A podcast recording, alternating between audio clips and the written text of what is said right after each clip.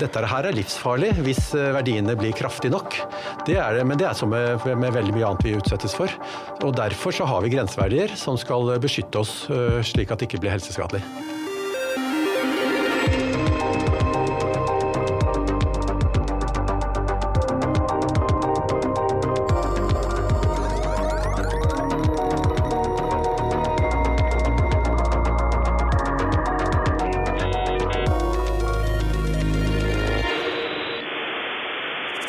Jeg er Sebastian Storvik, og i dag skal det handle om elektromagnetisk stråling. Mer spesifikt ikke-ioniserende stråling og radiobølger.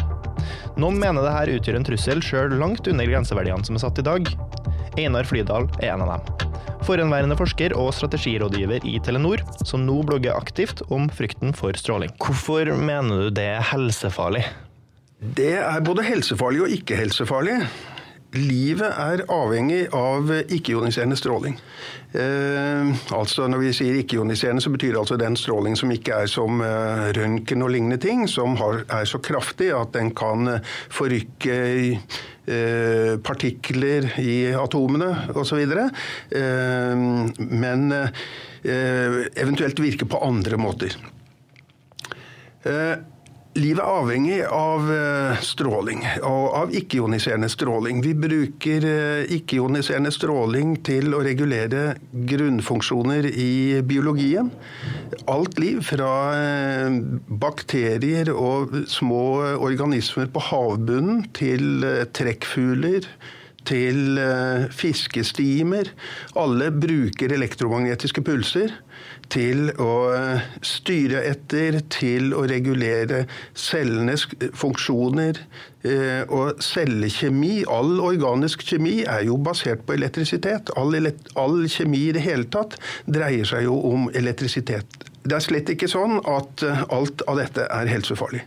Men hvis vi får inn pulser fra, øh, øh, fra omgivelsene som forstyrrer dette som vi bruker, så oppstår det skader. Slike pulser i eh, hva skal jeg si, For å ta, eh, for å ta noen si, mindre alvorlige eksempler først. Eh, slike pulser får vi f.eks. fra værfronter. Værfronten i Nordsjøen lager elektriske utladninger i et lavt, forholdsvis lavt frekvensområde, så det er ikke sånn som lynet som vi kan se.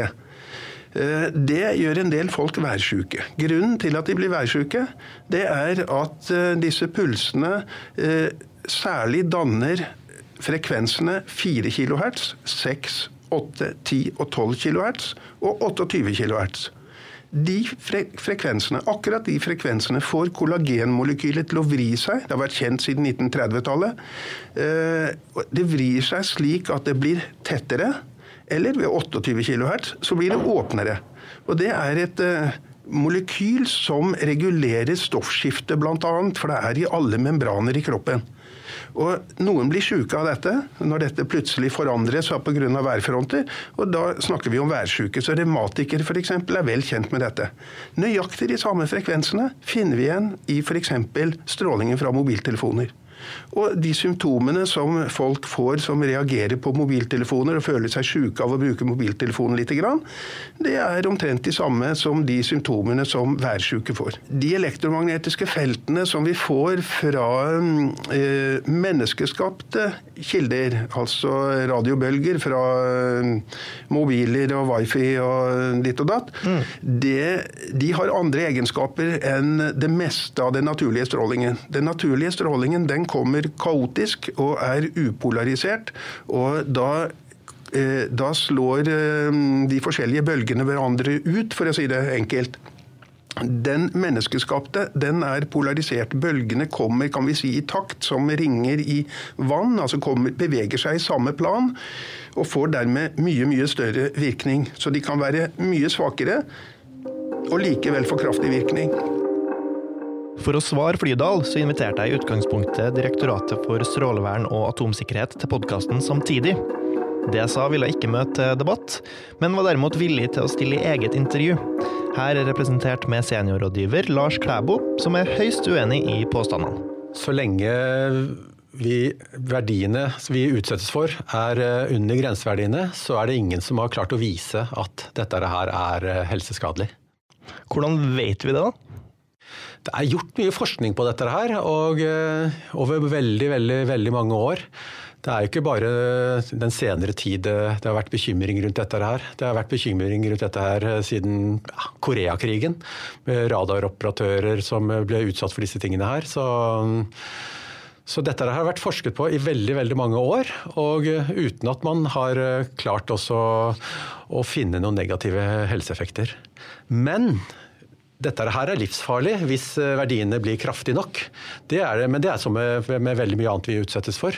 Og Derfor så har vi grenseverdier som skal beskytte oss eh, slik at det ikke blir helseskadelig. Når det er sånn at det er såpass mange kroppsfunksjoner og såpass mye som faktisk påvirkes av elektromagnetisk stråling, da, da høres det jo ikke helt fremmed ut at noe av det kan påvirke oss? Nei, og det har man prøvd og lett og lett og lett etter etter eh, sånne sammenhenger. Og det viser seg det at eh, man har ikke klart å dokumentere noen, eh, noen sammenhenger mellom denne, denne eksponeringen og, og, helse. Du møter mye motstand fra DSA, altså Direktoratet for stråling og atomsikkerhet. Hvorfor tror du det? Jo, Det er forholdsvis enkelt. De er satt til å forvalte det som er nasjonal politikk på området. Eh, og eh, Det betyr at de kan ikke gjøre noe annet enn å forsvare den politikken eh, vi har. Så i samtaler uttaler de jo da også at vel, uansett hva dere andre på den andre siden av bordet kommer med, så må jeg forsvare det som er DSAs linje. For det er jo derfor jeg jobber her, og noe annet vil ikke være mulig. Eh, sier da en forsker som jobber der. Selv, selv, om deres egen helse jo tross alt også er på spill? Ja, det, det må du nesten spørre dem om. Men eh, det er jo, det er, det er jo sånn, ja. Flydal påpeker at kreftavdelinga hos Verdens helseorganisasjon klassifiserer radiobølger i alle frekvenser i fareklasse 2B, mulig kreftfremkallende for mennesker. I tillegg mener han at det er kritikkverdig at DSA på mange måter følger anbefalinger fra en tysk stiftelse med finansiering fra mobilbransjen, og mener at de kun tar hensyn til varmeskader fra stråling. Han kritiserer også DSA for å være underbemanna, underfinansiert, og at de mangler medisinsk kompetanse. Eh, stemmer det? Ja, det En etat vil jo alltid mene at man er underbemanna, så det kan vi kanskje si at eh, vi er. Vi ville alltid trengt å være flere. Men, eh, men vår oppgave er, er i Norge er ikke å, å, ha kontroll på all forskningen som foregår. Der eh, Vår oppgave er å følge med på eh, hva internasjonale organisasjoner mener om dette her. Hva ulike ekspertgrupper rundt omkring i verden eh, mener om disse tingene her. Og så, så, så i så måte så er vi nok bemanna til å ha oversikt over hvordan dette ligger an i verden. Og så kan vi gå på den direkte kritikken eh, som han påpekte rundt det jeg sa, da, samarbeidet med WHO og den her ICNIRP, hva var det? Ja, ICNIRP det er, da den, eh, det er en, da en organisasjon en, eh, som, består av, som, består av, en del eksperter, som, som også går gjennom all forskning på området, og, for å da, og bruker da denne kunnskapen vi har for, for å sette grenseverdier for disse tingene her. Og hvordan er samarbeidet med WHO og Norge på, på feltet? Norge, eh, vi, vi, er eh, regelmessig i møter med, med WHO, hvor vi, hvor vi ca. en gang i året hvor vi eh, får oppdateringer på, på kunnskapsstatus og sånne ting.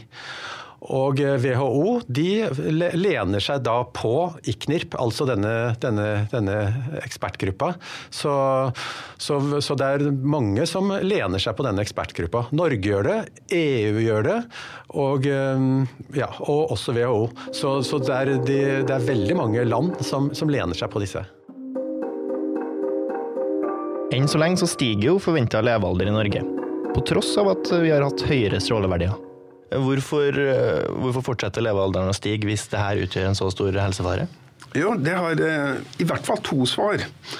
Eh, la meg ta det siste, korteste svaret først. Mm. Det har å gjøre med stoffskiftet i kroppen. Stoffskiftet i kroppen går langsommere ved eksponering for elektromagnetiske felt. Det er omfattende beskrevet i eh, boka til Arthur Fissenberg 'Den usynlige regnbuen historien om elektrisiteten og livet'. Så, og det er bare to måter, eh, eller typiske måter å forlenge levealder på, hvis vi ser bort ifra altså holde seg friskere og sånn.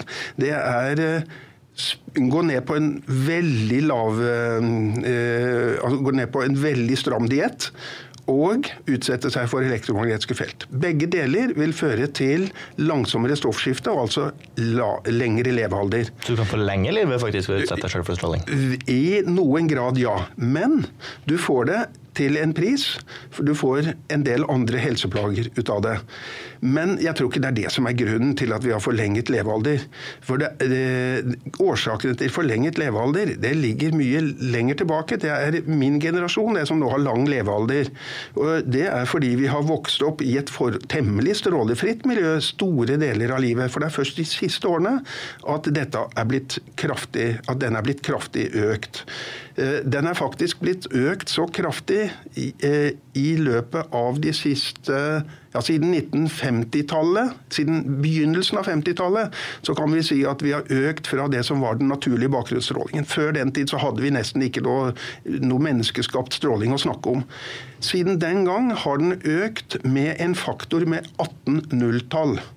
Du må altså gange opp den naturlige bakgrunnsstrålingen når det gjelder mikrobølgestråling, for det er frekvensområdet der, med I opphøyd av 18? Ja. Du må gange det med et tall med 18 nulltall for å komme opp i det som i dag er den normale strålingen i bysentra. Mm. Det er vi ikke konstruert for. Mange vil eh, påstå eh, at du på mange måter er konspiratorisk, og at du ikke er kildekritisk nok, og at ting du viser til ikke nødvendigvis er forskning. Hva har du å si til det? Ja, hvis, eh, hvis jeg Jeg skriver jo masse bloggtekster. Eh, hvis jeg kan opplyse folk bedre ved å henvise til en og gi dem mer i detaljer ved å henvise til en bloggpost jeg har gjort selv har skrevet før, så gjør jeg selvfølgelig det. Så finner man videre kilder der. Men ellers er jeg ganske nøye på å belegge det jeg skriver med vitenskapelig publiserte artikler. Eh, og det og jeg leser selvfølgelig begge deler. Jeg, jeg har en bakgrunn som gjør at øh, jeg er rimelig kritisk, tror jeg. Og min jobb har siden ganske tidlig i arbeidslivet først og fremst vært å være tverrfaglig og å prøve å få fram de store bildene av, og de store sammenhengene. Eh, vi har gjort det nå nylig sammen med en, eh, jeg har gjort det nå nylig sammen med en kollega av meg, også fra Telenor og fra forskningsenheten der, i en bok som heter 5G og vår trådløse virkelighet. Eh, høyt spill med, miljø, med helse og miljø hvor du finner et vell av forskningsreferanser. Der er vel bare i en del av boka, del to av boka, er det vel 192 kunnskapsgjennomganger, altså gjennomganger av medisinsk forskning, som er eh, omtalt. Så eh, det skorter ikke på eh, vitenskapelige referanser, men saken er ganske enkelt den at det store gross av forskningen peker en helt annen vei enn det dagens øh, øh, strålevern øh, peker. Og forteller oss at vi burde ha langt strengere grenseverdier enn det dagens strålevern forfekter. Nå viser Flydal til ganske mye forskjellig forskning eh, som, han, som, det virker som om han tror dere ikke har respekt for. da. Eh, hva har du å si til det? Ja, Vi kjenner til eh, forskningen han viser til. og den forskningen han viser til, den kjenner alle til. Og den er en del av eh, den samla vurderingen. Når, eh, når, eh, man gjør vurderinger av om dette er helseskadelig eller ikke, så blir, legges all forskning til grunn, også den som han viser til. Så, så, så vi, vi, følger med på, på absolutt alt. Hvordan skal man berolige alle som er redd for denne type stråling? Man kan jo starte med å å velge Når det gjelder dette, denne problemstillingen her, så er, så er, dette veldig vanskelig for folk flest. Og for de aller fleste så er dette spørsmålet om hvem man velger å tro på. Og hvis man velger å tro på de som, som sier at dette er helseskadelig, som, som, er bekymret for våre grenseverdier, så er det helt klart at man blir bekymret. Velger man å tro på det synet som vi forfekter, og tro på at vi, at vi følger med hele tiden, at vi følger med på hvilke nivåer som er, og ikke minst vår forsikring om at, ligger, at strålingen i Norge ligger langt, langt under grenseverdien. Vanlig nivå er, på, det er promiller av grenseverdien, altså tusendeler av grenseverdien. Så, så mener jo vi at det ikke er grunn til å være bekymret for disse tingene her. For du vil jo også ditt eget beste, regner jeg med?